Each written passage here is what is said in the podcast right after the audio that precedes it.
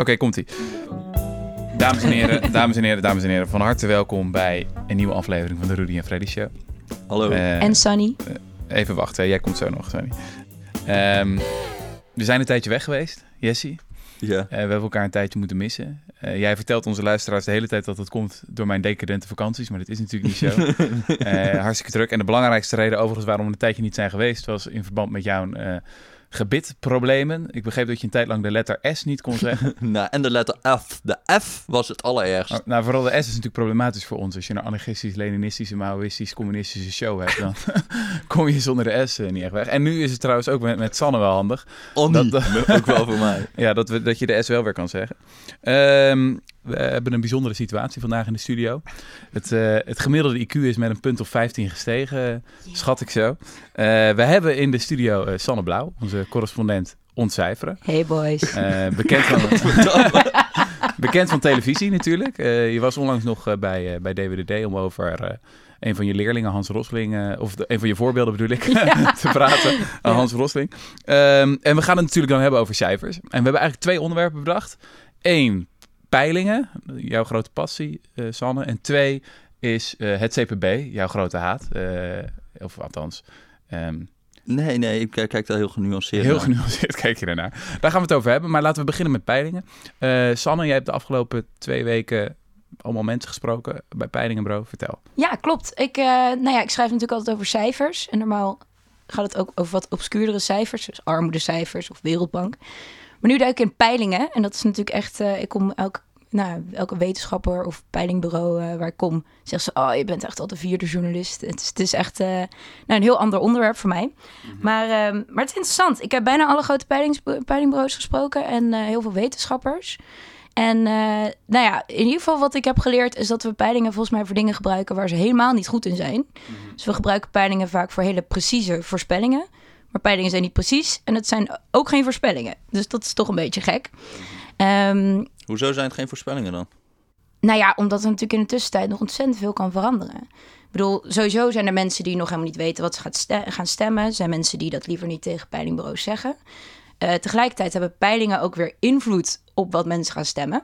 Dus nou ja, zoals één politicoloog zei, het zijn een soort self-denying prophecies. Want als ze uitkomen, lopen ze eigenlijk alweer achter de feiten aan. Want als jij je keuze baseert op peilingen, dan klopt de peiling eigenlijk al niet meer als die uitkomt. Ehm, dus ja, en eh, kijk maar naar 2012. Ik bedoel, in, in minder dan een maand tijd kelderde de SP en vloog de PvdA omhoog. Ja, als je een maand van tevoren dat als voorspelling had genomen, was het natuurlijk gewoon verkeerd geweest. Ja, dus je hebt altijd van die discussies. Dat was ook na Brexit en na Trump. Dat mensen zeggen van ja, de peilingen zaten ernaast. Ja. Ze hebben het verkeerd gehad. Is dat, is dat dan onzin? Dat die peilingen best wel prima waren, maar dat we ze gewoon verkeerd interpreteerden? Nou, als we echt willen weten hoe goed die peilingen het doen, dan zouden we de dag na de verkiezingen moeten kijken. Wat hebben de mensen in die peiling gestemd? Eh, en, en klopt dat dan een beetje met de werkelijke uitslag? Maar zelfs een slotpeiling op die laatste dag kan nog heel veel verschillen. Omdat, nou ja, volgens mij zo'n 1 op de 10 mensen beslist pas op de dag zelf wat ze gaan stemmen.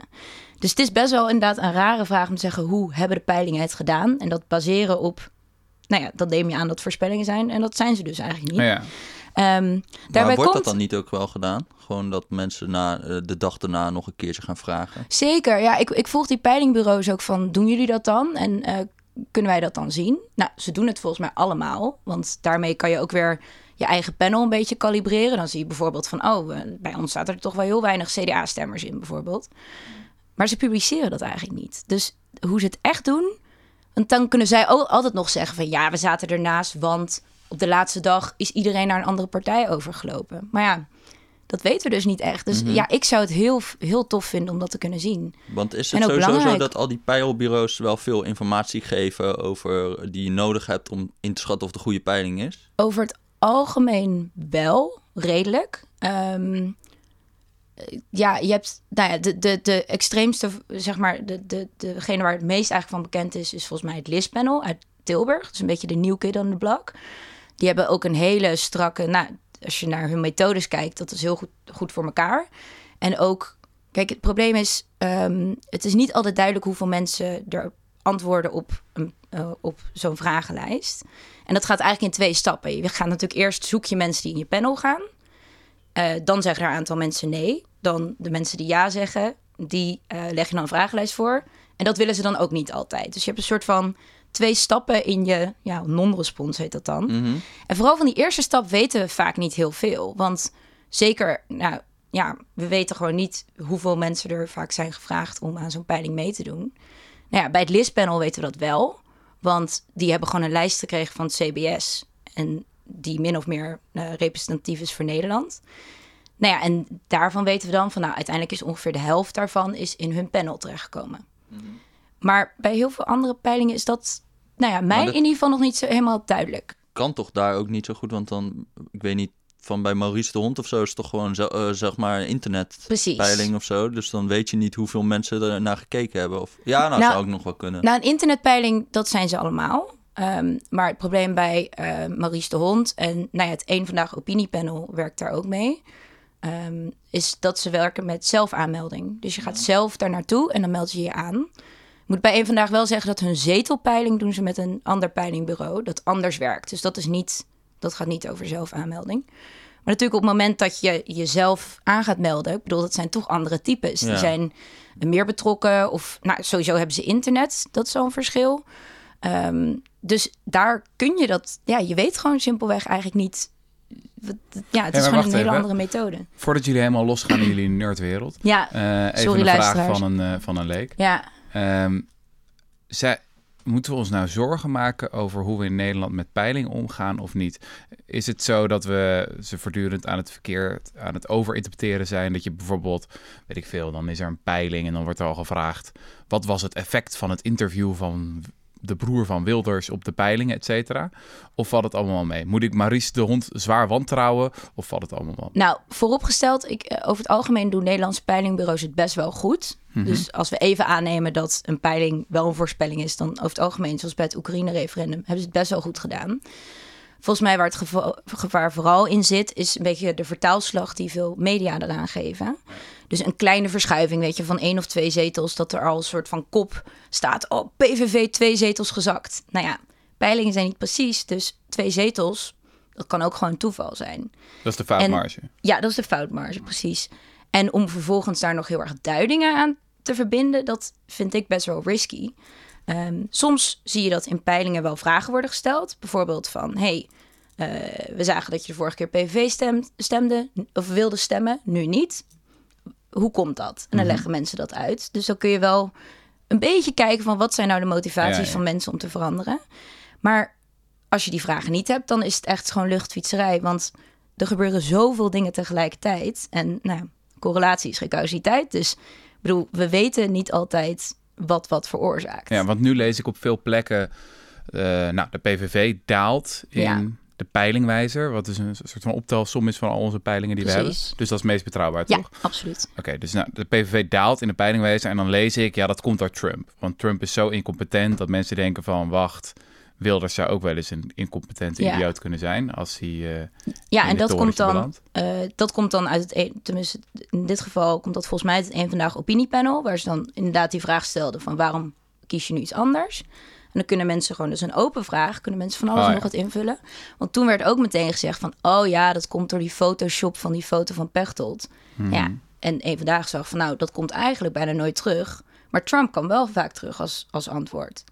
En dat geeft dan een indicatie van de motivaties die er Oh, kunnen ja. leven. Dus dat is wel interessant. Maar ja, weet je, nou goed. Het is Er een wordt- beetje als, eh, zoals wat ze altijd met eh, eh, financiële journalistiek met beurskoersen doen of zo. Dan, dan gebeurt er iets op de beurs en dan moeten ze dat gaan verklaren. En dan, Ja. ja. dan krijg je echt rare dingen. En dan gaan verzinnen mensen gewoon allemaal. eh, als ze het echt niet meer weten, dan zijn ze de Saudis zijn aan het kopen. Want daar wist toch niemand iets van. Ja, Ja, Een beetje, dus echt, Dat is een beetje met... nou ja, pas op met al die duidingen. En sowieso, ja, zo'n kleine verschuiving. Ja, mij interesseert dat sowieso niet zoveel. En het zegt vaak ook echt gewoon geen bal. Hm. Dus Nou, ik vind het wel, ik vind het wel fascinerend. Ik heb een keer zo'n analyse van, eh hoe was het volgens mij, politicoloog Tom van der Meer op, op Stuk Rood Vlees. Dat geweldige politicologenblog. mhm. Ehm, en die, die legde uit dat we eigenlijk in Nederland nu in een situatie zijn beland waar een aantal partijen, iets van vijf of zes of zo, eh, rond de 15 à 20 zetels eh, lange tijd kunnen peilen. En dat dan voor de verkiezing duidelijk moet worden welke partij gaat exploderen. En dat dat afhangt van hele toevallige factoren. Doe je het net even lekker in een debat, zoals Samson in 2012. Maar dan kan ik me voorstellen dat ook peilingen een belangrijke rol kunnen spelen. Als ze je net even die indruk kunnen geven van die is aan het winnen. Ja. En dat je dan, want wat was de, volgens mij was het in 2012 dat de laatste peiling was, staat de PvdA zo rond de eh, eind 20, 30 zetels. En dan werkelijk verkiezingsuitslag ineens 40. Weet je wel? Dus het, aan het laatste moment dat iedereen besloten, hoppa, allemaal naar de PvdA, allemaal naar de VVD. ja dat, dat weet ik niet precies hoeveel verschil daar zat. Maar kijk, peilingen spelen hier sowieso een rol bij. En volgens mij als je naar die chronologie kijkt van 2012... zag je eerst een debat en toen kwam er een tijdje geen peiling. En toen de eerste peiling, daar kwam dan uit dat Samson hoger stond. Dus het is wel te verwachten dat... Nou ja, dat komt door ook wel dat kiezers dat debat hadden gezien. Vaak zijn die debatten wel een soort van keerpunten volgens mij.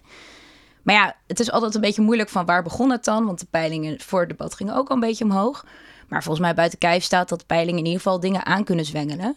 Dus je hebt bijvoorbeeld het bandwagon effect. Dat heeft nou, Tom van der Meer ook onderzocht. En dat is dat mensen graag bij een winnaar ho- horen of op een winnaar stemmen. Dus als je ziet dat iemand omhoog gaat of iemand de grootste is, ehm, dan trekken mensen daar naartoe. Het is niet helemaal duidelijk hoe groot dat effect is. Ja, veel zeggen wel dat het best wel klein is. Ehm, maar het belangrijkste effect van peiling is natuurlijk op strategische stemmers. Zeker eh, nou ja, in Nederland is dat gewoon. eh zitten er, er heel veel mensen die op een strategische manier bepalen hoe ze gaan kiezen. En daar zijn peilingen natuurlijk de beste informatiebron voor. Ik bedoel, ik, ik wil zelf niet strategisch stemmen, maar er zijn genoeg mensen die dat wel willen. En dan denk ik, ja, dan zijn peilingen daar goede, goede En informatie zou het ook niet zijn dat gewoon media heel erg bezig zijn met die peilingen? Dus Absoluut. zo gauw jij zeg maar eh, omlaag gaat in de peilingen, dan zullen media de hele tijd jou vervelende vragen stellen. Oh, gaat niet goed Ja. hè, meneer eh, Ja. Roemer of weet ik veel wat. Wat ben je aan het doen? Ja, en, En, en, tweede... en, en, dat kan heel snel, ja, als je alleen maar dat soort vragen krijgt, dan, dan, dan gaat het heel snel bergafwaarts. Nee, absoluut. Dat zie je ook in veel onderzoeken van het zijn vaak niet de, de echte rauw, de, de, getalletjes, maar het zijn echt het, het is de spin die media eraan geven. Dus wordt iemand een winnaar genoemd, wordt iemand een verliezer genoemd, krijgt iemand meer aandacht, Eh, mag iemand nu opeens in een debat komen omdat ze hoog staan in de peilingen. Maar Dus- dat slaat toch, dat heeft niet echt meer iets te maken met waarom we kiezen, toch? Nou ja, ik vind eh, als mensen. de- ik, het is ieder goed recht om stem te bepalen zoals, zoals je wil. Wat ik wel belangrijk vind. Ik bedoel, ik vind een invloed van peilingen niet per se erg. Maar ik vind het wel erg als die peilingen verkeerd in het nieuws komen. Want dan werkt die invloed ook verkeerd. Dus als inderdaad bijvoorbeeld de foutmarge wordt vergeten en twee zetels verschil. Dat, dat wordt al helemaal uitvergroot. Ja. Of eh, er wordt onwijze duiding aan gegeven van, oh, eh, nou ja, die gaat op zijn bek, want bla bla bla. Dus waar we volgens mij vooral heel erg mee op moeten passen, en dat zijn dan vooral de media, inclusief wij, dat we gewoon wel die cijfers op de juiste manier interpreteren. En niet vergeten dat het maar cijfers zijn, dat het niet altijd representatief is, dat er foutmarges zijn. En dat gaat gewoon nog best wel vaak mis. Laatst, eh, het gaat, ik moet wel zeggen trouwens dat het steeds beter gaat hoor. Dus de NOS gebruikt alleen maar de peilingwijzer. NRC heeft een hele checklist gepubliceerd van hoe ze voorzichtiger omgaan met peilingen. Maar ja, laatst had je, de, eh, had je een, eh, de, de etnobarometer. Die zou dan beter stemming peilen onder, eh, onder Nederlanders met een migratieachtergrond. Nou ja, daar hebben twee hoogleraren naar gekeken. Is echt compleet kapotgeschoten. En dat haalde toch heel veel headlines, ook in de NRC, die net die checklist had gepubliceerd. Mm. Dus er is nog wel heel veel lange weg te gaan voor eh, goede verslaggeving daarover. Hey, ook eh, bij ons. En natuurlijk sowieso, ik bedoel, dat is het probleem van nieuws. Eh, er wordt gelet op uitzonderingen en niet op de regels. Dus het is geen nieuws als iemand al heel lang ongeveer op hetzelfde niveau staat. Mhm. En ehm, dus ja, wat dat betreft, dat maakt geen nieuws. Dus dat krijgt dan ook geen aandacht. En dat is, ja, ik vind dat heel jammer. En daarom vind ik die peilingwijzer ook zo goed. Want die neemt zes verschillende peilingen samen. Die benadrukt ook heel erg van kijk naar de lange termijn. Ja. En dat, ja, dat is wat mij betreft veel interessanter. Mhm. Er wordt veel ruis uitgehaald. Want ook tussen die peilingbureaus zit nog best wel veel verschil. Van hoe ze vragen stellen, of ze beloningen geven aan mensen. Nou, ja, van allerlei dingen. En je ziet ook dat bijvoorbeeld, nou ja, Maurice de Hond, die, die eh, schat altijd de PVV wat hoger in. INO Research schat altijd de PvdA wat hoger in. Weet je, er zitten gewoon best wel verschillen tussen. Dus ik vind het een heel goed idee om die gewoon allemaal op één hoop te gooien. En dan daar zo goed mogelijk beeld uit te Is, is de krijgen. hond nou een beetje een vreemde eten in de bijt? Want voor veel mensen is, als je aan peilingen denkt, denk je meteen aan Maurice de Hond. Ja, Is, is hij nou gewoon een peilingbureau zoals alle anderen dat ook zijn? Of is hij de Satan niet. onder de Eh, pijlen? hij is zeker niet de Satan. En bijvoorbeeld een aantal dingen. eh, nou, hij zit natuurlijk al super lang in het vak. En Ja. hij heeft bijvoorbeeld één bepaalde weegmethode. Ja, dit is een beetje een nerdig uh, erop, niche kom maar en het, er wordt zeg maar eh, alle peilingbureaus wegen, omdat altijd Ja. bepaalde groepen zijn ondervertegenwoordigd of juist oververtegenwoordigd. Dus dan kijken ze naar, oh, hoe, hoe naar CBS-data van hoe zijn mensen, hoe zit, zien mensen er in Nederland uit, hoe ziet ons sample daaruit. Oké, dan moeten we een beetje die wat zwaarder wegen en die wat minder zwaar. Oh, ja. Nou ja, Maurice de Hond is ermee begonnen, volgens mij, ehm, om in Nederland ook eh, stemgedrag bij de vorige verkiezingen mee te wegen.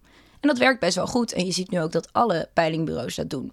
Dus dat is bijvoorbeeld iets, nou, dat is echt een innovatie die hij eh, in Nederland heeft aangebracht. Wat jammer is, is dat gewoon ehm, hij wel wat minder transparant is dan de andere bureaus. Hey, en eh, van, zouden we niet vaker ook gewoon issues moeten peilen in plaats van partijen of zo? Want de meeste peilingen gaan volgens mij dan toch wel over, over wat, wat zijn de zetelverdeling straks. Maar eigenlijk is het misschien wel veel interessant om wat vinden mensen nou eigenlijk over concrete... Over de Rudy en Freddy show. Nee, ja, Ja. nou ja, dat, dat wordt dus eigenlijk veel gedaan. En volgens mij balen veel peilingbureaus er zelf ook van dat het juist de zetels zijn die vaak het nieuws halen. Terwijl ze zeggen, ja, wij stellen zoveel andere vragen. Ook Mhm. over van alles en nog wat. Bijvoorbeeld over, nou, nu eh, waar we het zo over gaan hebben van.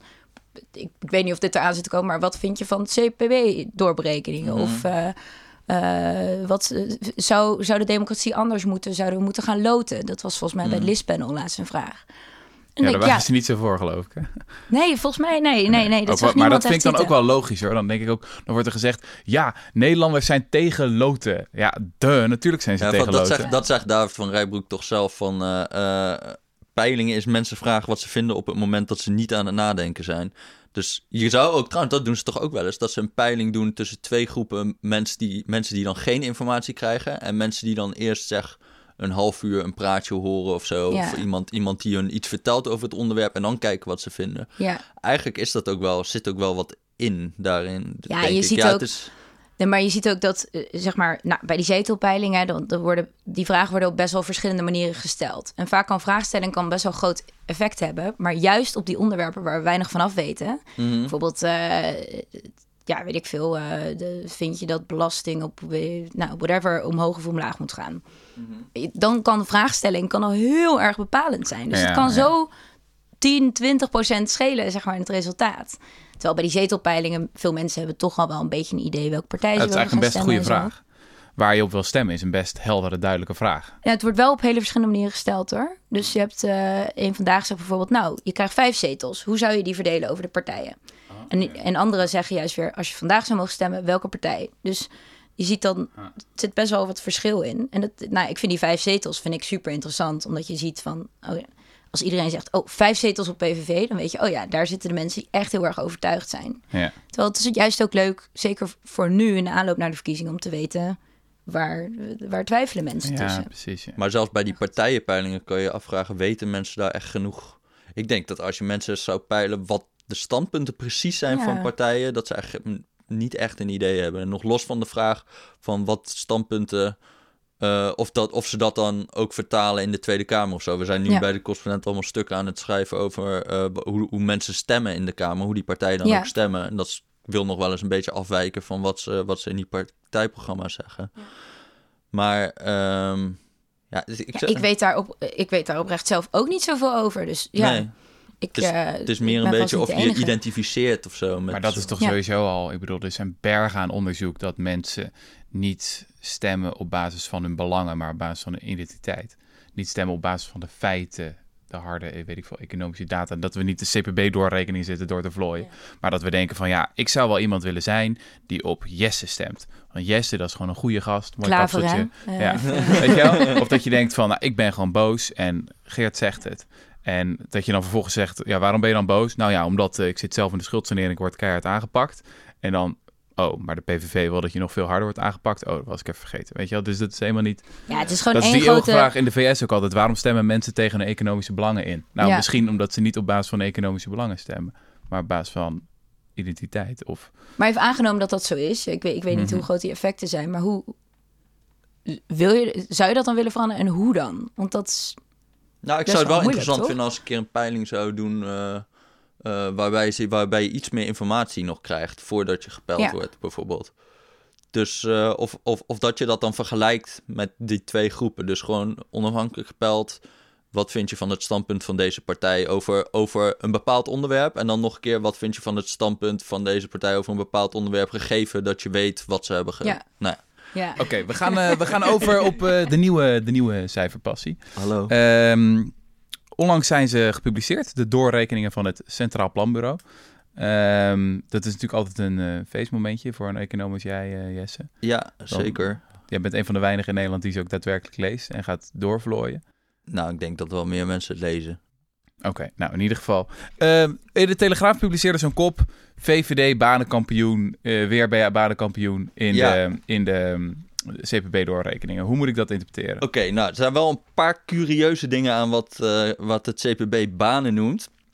En eigenlijk wat zij banen noemen, dat is gewoon mensen die zoeken naar werk en waarvan wordt verondersteld dat ze ook werk gaan vinden. Dus je hebt een paar modellen in, de, in het CPB. Je hebt de korte termijn, nou dat gaat alleen over die eerste vier jaar. Dan heb je de eh, middellange termijn, dat is over een jaar of tien. En dan heb je een hele lange termijn, dat gaat tot 2060. Waar het altijd over gaat, over met die banen, dus dan heet dan de structurele werkgelegenheid. Dat is meestal dat middellange termijn model, dus over een jaar of tien. Dus de VVD wordt geacht banenkampioen te zijn over tien jaar. En, eh, maar in dat middellange termijn model zit eigenlijk geen werkloosheid. Eh, nou, dat klopt niet helemaal. Je hebt wel een klein beetje frictiewerkloosheid. Mensen die zoeken naar een baan, maar nog gewoon nog aan het zoeken zijn en zo. Mhm. Maar in principe eh, zul je gewoon eh, eh, altijd als je uiteindelijk als je een baan aan het zoeken bent, zul je hem altijd vinden in dat model. Dus Wacht, wat dat wacht. eigenlijk concreet betekent is, stel jij zou de AOW afschaffen en de leerplicht afschaffen, dan ben je ook banenkampioen en niet te zuinig ook. Dus Want het CPB ma- neemt aan- creëer je miljoenen banen. Het CPB neemt aan dat iedere werkloze, of vrijwel iedere werkloze, uiteindelijk een baan zal vinden. Ja, ja, ja. Tenzij bijvoorbeeld opleidingsniveau niet helemaal klopt met eh, het aan- aangeboden aanbod. Nou, ja, dat soort dingetjes zitten er wel in. Maar in principe vindt iedereen een baan. En daarom, daarom is het ook zo dat, eh, zeg maar, als je de... ehm, nou, een voorbeeld, ze doen de arbeidsongeschiktheidsuitkeringen, eh gooien ze omlaag. En ma- maken ze moeilijker om in de arbeidsongeschikt te worden Mhm. verklaard. Dan gaan ze ervan uit dat die mensen dus werk moeten zoeken. En dat ze die ook gaan vinden. Nou zou ik denken, je bent arbeidsongeschikt om een reden. Zeg maar. Mhm. het, kan, het is een goede kans dat je gewoon in een andere uitkering terechtkomt. Mhm. Maar dat, dat zit er niet in, zeg maar, in die modellen. Oké, dus de VVD krijgt hoeveel enkele tienduizenden banen eh, van het CPB toegerekend. Ze krijgen, ze die- volgens mij hadden ze 255.000 banen. En dat is meer dan welke andere partij ook. In, In totaal. 2021 dan? Of die lange nee, termijn? nee, lang, eh, middellange termijn, Oké. dus over 10 jaar. Dus dat, ja. Dat, dan zegt de Telegraaf banenkampioen. Maar dat zijn Ja. dus mensen die op zoek zijn naar werk... en waarvan wordt verwacht dat ze die ook vinden. Maar hoe komen ze dan, daar ben ik nieuwsgierig naar, op zo'n precies cijfer? Daar heb jij ook veel over geschreven, Ja. Sanne. Dat, we hebben dan heel vaak van die modellen met allerlei aannames erin. En dan rolt dan uiteindelijk een heel precies cijfer uit.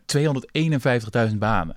Weet je, wat is dat voor, Ja, ik moet voor ook magie? zeggen, ik vind het een beetje raar als je dat zo leest... want ze hebben natuurlijk ook foutmarges.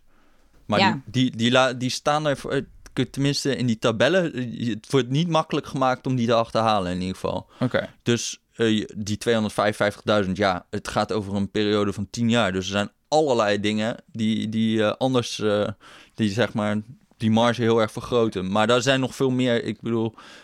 ehm, Ze nog- moeten ook schatten wat zou- het effect is van een bepaalde maatregel. Wat, eh, hoe noemen we economen dat? De elasticiteit is. Dus als je zeg maar de uitkering met zoveel verlaagt, dan zal dat zoveel extra baanzoekende, oftewel banen opleveren. mhm. Waar baseren ze dat dan op?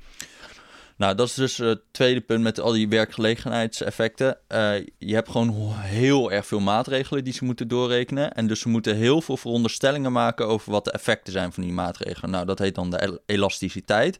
Dus stel je verlaagt de arbeidsongeschiktheidsuitkering met 10%. Hoeveel mensen stromen dan uit zo'n uitkering?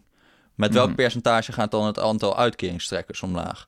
Mhm. Nou, ik heb bijvoorbeeld bij arbeidsongeschiktheid gekeken. Dat is dan gebaseerd op een Canadees onderzoek uit de jaren 80. Eh, eh, en daarvan zeggen ze dus, als je de uitkering met 10% verlaagt, dan gaan er 15% minder uitkeringstrekkers zijn. Eh, tenminste, als je gedeeltelijk arbeidsongeschikt Maar bent. dus dat Telegraaf bericht over VVD-banenkampioen is indirect gebaseerd op een Canadees Nou, onderzoek da- uit de jaren 80. 70.000 van die banen, van die 255.000, die komen door een arbeidsongeschiktheidsuitkering verlagen. Ja. Dus daar, om, da- daar, daar komen die VVD-banen vandaan. Eh, ja, ik, ik, eh, ik heb ook met die gast gebeld van het CPB van ja, hoe zit dat dan met, ik, het is één Canadees onderzoek. Ja. Ik bedoel, er zijn heel veel onderzoeken sindsdien gebeurd die ook gewoon heel goed zijn van de opzet. En die Eh, andere... En uit je andere, bijvoorbeeld, eh, je had eh, een, een Zweedse onderzoek. ehm, waar, waar het zeg maar een factor drie lager is. Je hebt er meerdere hoor, maar het is, het, het- is, het is zeg maar een beetje moeilijk om te zeggen wat het effect is. Want in zo'n in zeg maar een onderzoek naar onderzoeken zeggen die onderzoekers. Hey, dat is, maar die zeggen eigenlijk van je moet, je, moet, eh, je moet hier gewoon niet te harde uitspraken over doen. Want het is heel onduidelijk wat het effect is. Ja, het probleem is dat CPB dat dus wel moet doen. Maar, Maar- dan is nog de vraag waarom je eh, zo'n hoog effect doet. Want voor de goede orde, bij de WW gaan ze er bijvoorbeeld vanuit... je verlaagt de WW met 10%, dan gaan er maar 5% uitkeringstrekkers minder. Bij de arbeidsongeschiktheid is dat 15%. En ik zou niet weten waarom er zo'n factor 3 verschil is. Hm. Maar waarom, eh, want je zegt ze moeten, har- moeten harde uitspraken doen. Maar waarom zou je niet kunnen zeggen: Oké, we pakken onze aannames en nu gaan we daar eens mee spelen. Dus laten we eens kijken hoeveel dat dan uitmaakt. Weet je wel, wetenschappers doen het altijd. Ja. Die zeggen: Ja. We gaan robustness checks doen. We gaan kijken van: Oh, als ik dit net iets anders meet of als ik die aanname net iets verander, hoe zijn dan de uitkomsten? Ja, maar je moet Doen je dat, voorstellen, je moet niet? je voorstellen eh, eh, als je dat bij honderden maatregelen moet doen en je gaat bij allemaal die gevoeligheid daar een beetje mee spelen, dan is uiteindelijk het verhaal, ja, het kan vriezen, het kan dooien. Ja, maar dan krijg je toch uiteindelijk een soort van verdeling van uitkomsten. En dan zeg je nou, in, in Ja, maar die verdeling is zo bizar breed dan. Maar ze doen het nu niet. en het rapport dan- is al 350 pagina's of zo. Ik bedoel, wat, wat, hebben ze gedaan? Met 30 medewerkers drie weken fulltime gewerkt Ja. aan die hele doorrekening? Maar waarschijnlijk zijn er best wat aannames waarvan je kan zeggen... nou, die maken gewoon niet zoveel uit als we daarin gaan variëren. Ja, En misschien moet je dan duidelijk zijn van... nou, deze vijf dingen, daar zijn we gewoon niet zo zeker over. Want dat kan best wel verschillen, weet je wel? Ik vind... Mhm. Nou ja, ik ben sowieso, pleit ik wel voor wat meer openheid over onzekerheid in dit soort dingen. Mhm. Want je kan inderdaad helemaal niet op de baan... Nou, dit is dan niet op de baan nauwkeurig... maar op de duizend baan nauwkeurig dingen voorspellen. ja. Waarom, Waarom? waarom doen we dat Nou, wel het is wel, dat het is wel, het is wel heel grappig. Nou, deze week was er een, eh, vorige week inmiddels, eh, was er een, eh, een hele grote Nobelprijswinnende econoom overleden, Kenneth Arrow. En die heeft een hele mooie anekdote hierover. Die was toen, eh, was in de Tweede Wereldoorlog, was hij weervoorspeller.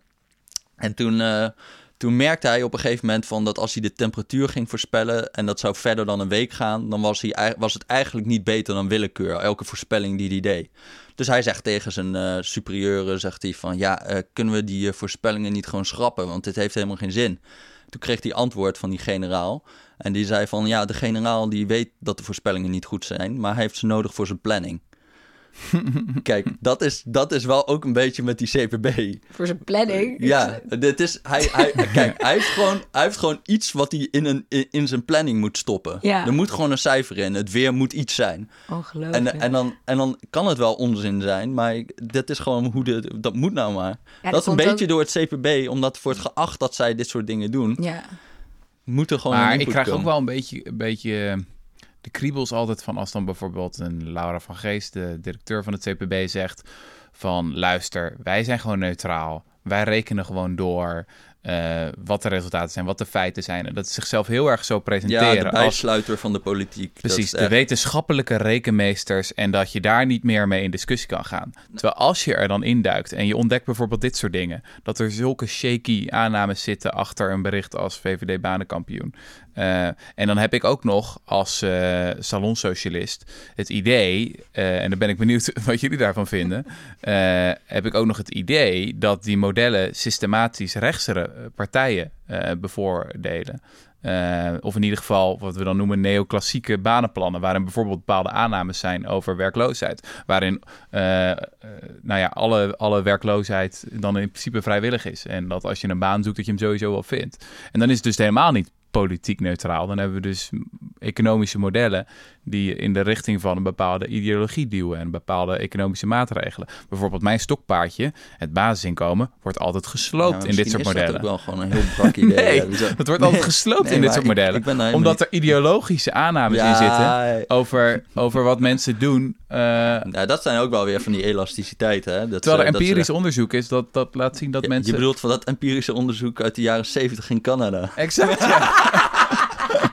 ja, ook recent, on- ook recent onderzoek eh North Carolina in de jaren 90 en een enorme opmars aan cash transfers wereldwijd. Ja, Maar- maar, ja, maar- je, hebt, ja, ja, je, hebt wel een, je hebt wel een punt. Het is gewoon Ja. heel erg, je moet keuzes maken als CPB. Welk onderzoek neem ik mee, welk onderzoek neem ik niet mee, wat vind ik relevant.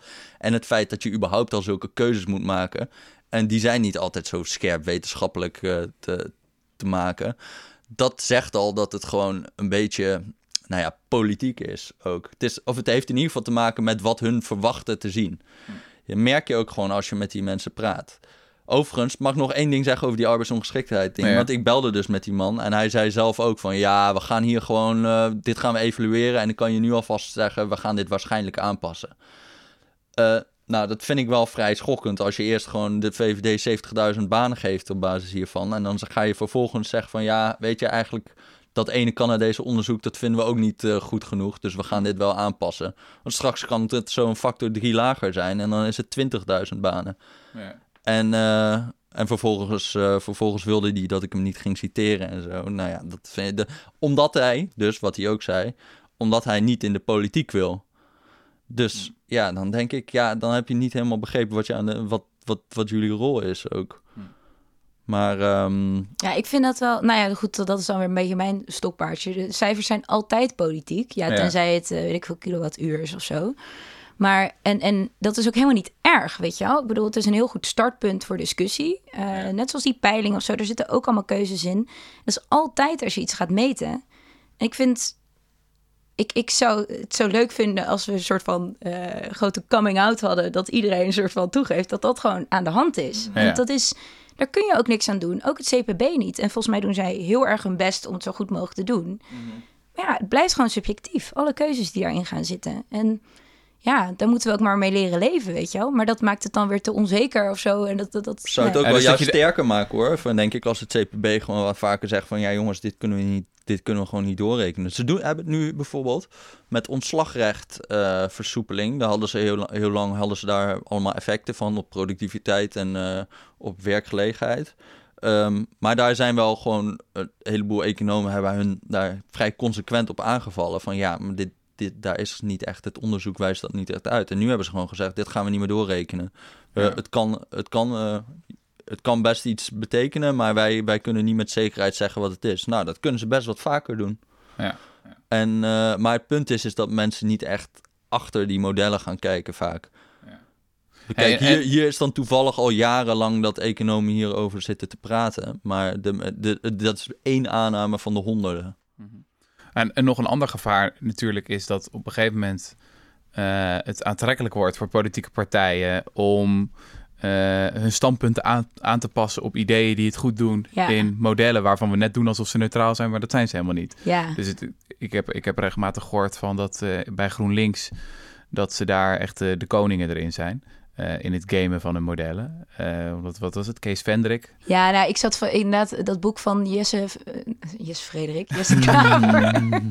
Kijk uit, hè. ja, sorry, nee, zo goed zie je er ook weer niet uit. Maar, ehm, Onder de gordel. Oeh, sorry. Eh cut. Maar ehm, nee, ik zat even het boek te lezen. Niet, volgens mij heeft hij net nog een boekje uitgebracht, maar dat boek, weet je wel, van tegen het economisme Oh of ja, zo. ja. En daar beschrijft hij inderdaad ook van dat hij dan bij die fractie kwam en dan werd hij daar verantwoordelijk voor. En hij zei, ja, Kees Vendrik was echt een doorrekenmeester. Die wist precies hoe dat moest. Ja. En hij had dan Je ook zit nu daar bij de assistenten. rekenkamer, toch? Kees Eh, ja, toch? Ja, ja, ja, Ja. ja. Of Officino, nou weet ik is niet. de gewoon de supernerd eh, van GroenLinks. En, en nou, hij zei ook, ja, dan zat ik met, met, met, met medewerkers en die wisten dan precies wat ze in dat Excelletje moesten invullen en waar en hoe dat zou veranderen en zo. En dat is natuurlijk, en daar hebben nou, Jess en ik vorig jaar ook een artikel over geschreven. Dat is altijd het risico als je gaat sturen op cijfers. Dat mensen precies weten hoe ze het moeten gaan gamen. Ja. En dan is het eigenlijk op het moment dat dat gebeurt, heb je er al geen zak meer aan. Ja. Slim Maar dat is. En- natuurlijk maar net het is zoals- natuurlijk gewoon, ja, dat doet iedereen op zijn eigen manier. Elke partij heeft van dat soort trucjes. En dat is natuurlijk net, bedoel, dat zie je nu overal in de publieke sector. Kijk, Tuurlijk wil je graag weten hoeveel studenten er afstuderen of hoeveel uh, operatie een, eh, een chirurg doet en of die slagen en zo. Dat zijn allemaal goede dingen om bij te houden. En zo is het ook goed om volgens mij te weten of het een beetje realistisch is wat partijen voorstellen. Maar het is altijd een soort van spagaat. Van je wil, je wil goede informatie. Maar aan de andere kant wil je ook weer niet dat het zo belangrijk wordt dat er op wordt gestuurd. Dus het is een beetje. Ja, Dus, ja, ja, eh, volgens mij moet dat vooral veranderen. Dat die, dat die CPB-berekeningen in dit geval. dat die een begin van een discussie zijn. En dat, dat zie je nu. En dat vind ik, dat vind ik echt een hele goede Sanne, zaak. zou jij eigenlijk. vinden dat we cijfers meer moeten ontcijferen? Ja! Hey, wacht even. Ja, ik ga toch nog even, op een wat, plek even zetten. wat pessimistisch zeggen. Want ik vind het, ik maak me eigenlijk best wel een beetje... Oh, god. Showstopper. Nou ja, wacht nou even. Ik maak me dus echt best wel een beetje zorgen dat... Kijk, er werken daar tientallen mensen bij het CPB. En er komt één keer komt er een 26-jarige gesjeesde havist. Ik ben 28. Oh, je bent 28. nou, in ieder geval, er komt één keer iemand even kijken ja, in trouwens, die... ik heb helemaal geen felicitaties gehad. Ik was jarig, hè, twee, Ja, drie even, even wat anders nou, man. Eh, Je, je gaat echt duiken in, die, in zo'n onderwerp en dan kom je echt de ene na de andere aanname tegen waarvan je denkt... waarom doen we in vredesnaam deze aanname? Dat heb ik zelf heel erg, sinds ik in de afgelopen jaren meer in de economie ben gaan duiken... is dat ik elke keer versteld sta. Bijvoorbeeld zo'n aanname over mensen die werk zoeken vinden werk. Dan denk ik, ja, dat is toch volkomen onzin? We weten toch dat al decennia lang dat niet het geval is. Dat heel veel mensen die hard naar werk zoeken dat niet vinden. En dan hebben we dus een, een bureau van intelligente rekenmeesters. Er werken tientallen mensen. En dat, dat is gewoon een... Daar moet er toch een soort van groupthink aan de gang zijn.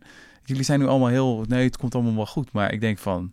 Ja, nee. We gaan weer met nee, de maar zwarte dat vlag er naartoe. ik- ik kijk- zwarte vlag. Ze zijn wel verhuisd, dus ik weet nu niet meer waar ze zitten eigenlijk. Maar eh, hoe, hoe heet het? Ja, daar heb je wel een punt. Maar kijk, het is wel, er, er is wel wat voor te zeggen dat het beter is dan niks, denk ik toch.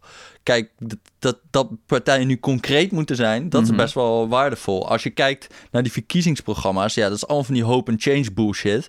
En eh, eh, als je dan ziet wat ze bij de CPB-doorrekeningen gaan eh, Mhm. indienen, dat zijn concrete dingen. Zoveel miljard voor dit, zoveel miljard voor dat.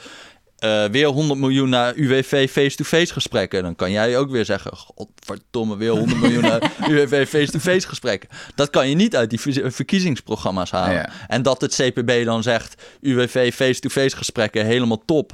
Dat eh, gaat zoveel banen opleveren. Ja. En- ik, en ik het- vind het onzin, maar, maar we weten in ieder geval dat ze dat voorstellen. En dat is ook al waardevol. Ik kan zeggen met de zwarte vlag er naartoe. Maar ik bedoel, deze discussies, artikelen op de, de correspondent. Ik zal niet de Corrie zeggen. Eh, dat zei ik net. Ehm, maar, eh, en, en allerlei kri- kritische artikelen op andere plekken. Die hebben toch ook nu geleid. Nou, wat jij net ook vertelde. Dat ze bepaalde dingen dan toegeven. Dat ze dat niet weten en zo. Dus volgens mij juist dit soort discussies helpt het ook om het... Ik bedoel, je moet er ook niet zwart-wit over zijn van of we schaffen het af of we Hey, verklaren en een het tot concurrerend heilig. bureau, is dat niet een idee? Gewoon de CPB 2. Eh, nou ja, ik weet niet. Weet je wat? Het is gewoon, ik, wat, wat Sanne zei. Ze kunnen ook gewoon die analyses met wat meer eh, scenario's doen of zo. Dus niet, kijk, dit, als je dit allemaal veronderstelt, dan gebeurt er dit. Als je dit veronderstelt, dan gebeurt er dit. En niet gewoon het presenteren als van, dit is het resultaat. Doe er maar mee wat je kan. En ook al trouwens, het is ook wel heel veel gaat er mis in de interpretatie. Hè? Want zij zeggen ook soms wel eens van, eh, ja, bijvoorbeeld dat basisinkomenvoorstel. Ze zeggen ook van, ja, dit is zo radicaal. Eigenlijk is, zijn de, zijn de, is hoogst onzeker, hadden ze het volgens mij over, over hun eigen resultaten. Maar ja, in de media gaat die vertaling niet helemaal goed dan. Nee. En, en, en, en alle onzekerheid verdwijnt ook heel snel. Dus Maar dat, ja, ik vind dat sowieso een interessant punt. eh, nou, ook met peilingen en ook hier. Dat onder, onzekerheid het blijkbaar niet goed zou doen in de media. Terwijl, nou ja, nu zie je ook dat rond peilingen bijvoorbeeld steeds vaker foutmarges worden weergegeven en zo. Ik vind ook een soort van onderschatting van krantenlezers. Ik denk, dus je- kan zo Nou, heus wel ja. iets meer vertellen over inderdaad de precies, onzekerheid ja. die achter een Ja, schuil gaat. Oké, ik ga samenvatten. Onze conclusies zijn... één, De wereld is complex en onzeker en ingewikkeld. ja. Eh, twee, Cijfers proberen die complexe, ingewikkelde wereld... Te, ja, een beetje beter te begrijpelijk te maken. Ehm, dat is een nobel streven. eh, is, is mijn punt drie. Vier, het gaat wel heel vaak mis. Want we hebben allerlei politieke, ideologisch, subjectieve aannames, et cetera. En degene die al die aannames en vijf, doen- dat is onvermijdelijk. ja, dat is onvermijdelijk. Eh, en, en dan zes. Maar al diegenen die al die aannames doen, die hebben nog wel eens de neiging om net te doen alsof dat niet zo is. Ja, Zeven, de oplossing is niet helemaal stoppen met die hele exercitie. Niet doen alsof de wereld niet ingewikkeld en complex is. maar met een Ehm, zwarte vlag. Maar, ja, dat is het einde, dat is bij Tine. Eh, maar wel de discussie aangaan, aannames expliciet maken en vervolgens niet het kind met het badwater weggooien. Vat ik het zo goed samen? Ja, Ja. dat was best wel En goed, eh, man. laatste punt, jullie moeten me vaker uitnodigen. Ja, Ja, ja, ja, ja, dat was wel leuk, hè? Ja, Helemaal toch? toppie. Ja, dat was wel gezellig. Hopelijk denkt de, de luisteraar thuis er ook zo over. Ja, dus Ik vind jouw stem ook wel fijner om naar te luisteren dan die van Jesse. Ja, dat, Ja. ik denk Maar- dat, daar, dat de kans wel 100% is dat De Rudy en Sunny vinden. show, hoe vind je dat klinken? Ja, nou, dat vind ik wel echt heel kloten. Dat jij me dan werkloos gaat maken. ja, maar je vindt toch weer een baan. Ja, Oké, dames en heren, we gaan, eh, we gaan afsluiten. Het was mij een eh, groot promotie, genoegen. Rutger. Sunny, dank eh, voor je komst naar de studio. Bedankt voor de uitnodiging. Ehm, ehm, oh ja, ik moet altijd wat promotie doen. Ja, ja. Ehm, wij krijgen hele mooie recensies binnen. Eh, op, op iTunes. Dat vind ik echt fantastisch. We hebben echt alleen nog maar 5 sterren recensies gehad. Waar ehm, eh, onder andere wordt gezegd dat het volkomen episch is. Dat twee man- witte mannen leuteren over dingen waar ze geen verstand van hebben. dat is echt, eh, Staat dat Even-? Ja, zoiets staat er. Jij hebt hem ook een keer gerecenseerd, geloof ik. Ik moet zelf nog de recensie achterlaten. Maar doe dat als je nog niet bij dat, ehm, bij dat genootschap hoort. Ehm, vertel je vrienden, familie en iedereen die je lief is over deze podcast. En luister natuurlijk ook naar de andere podcast van de correspondent. Eh, dames en heren, tot de volgende keer. Dag.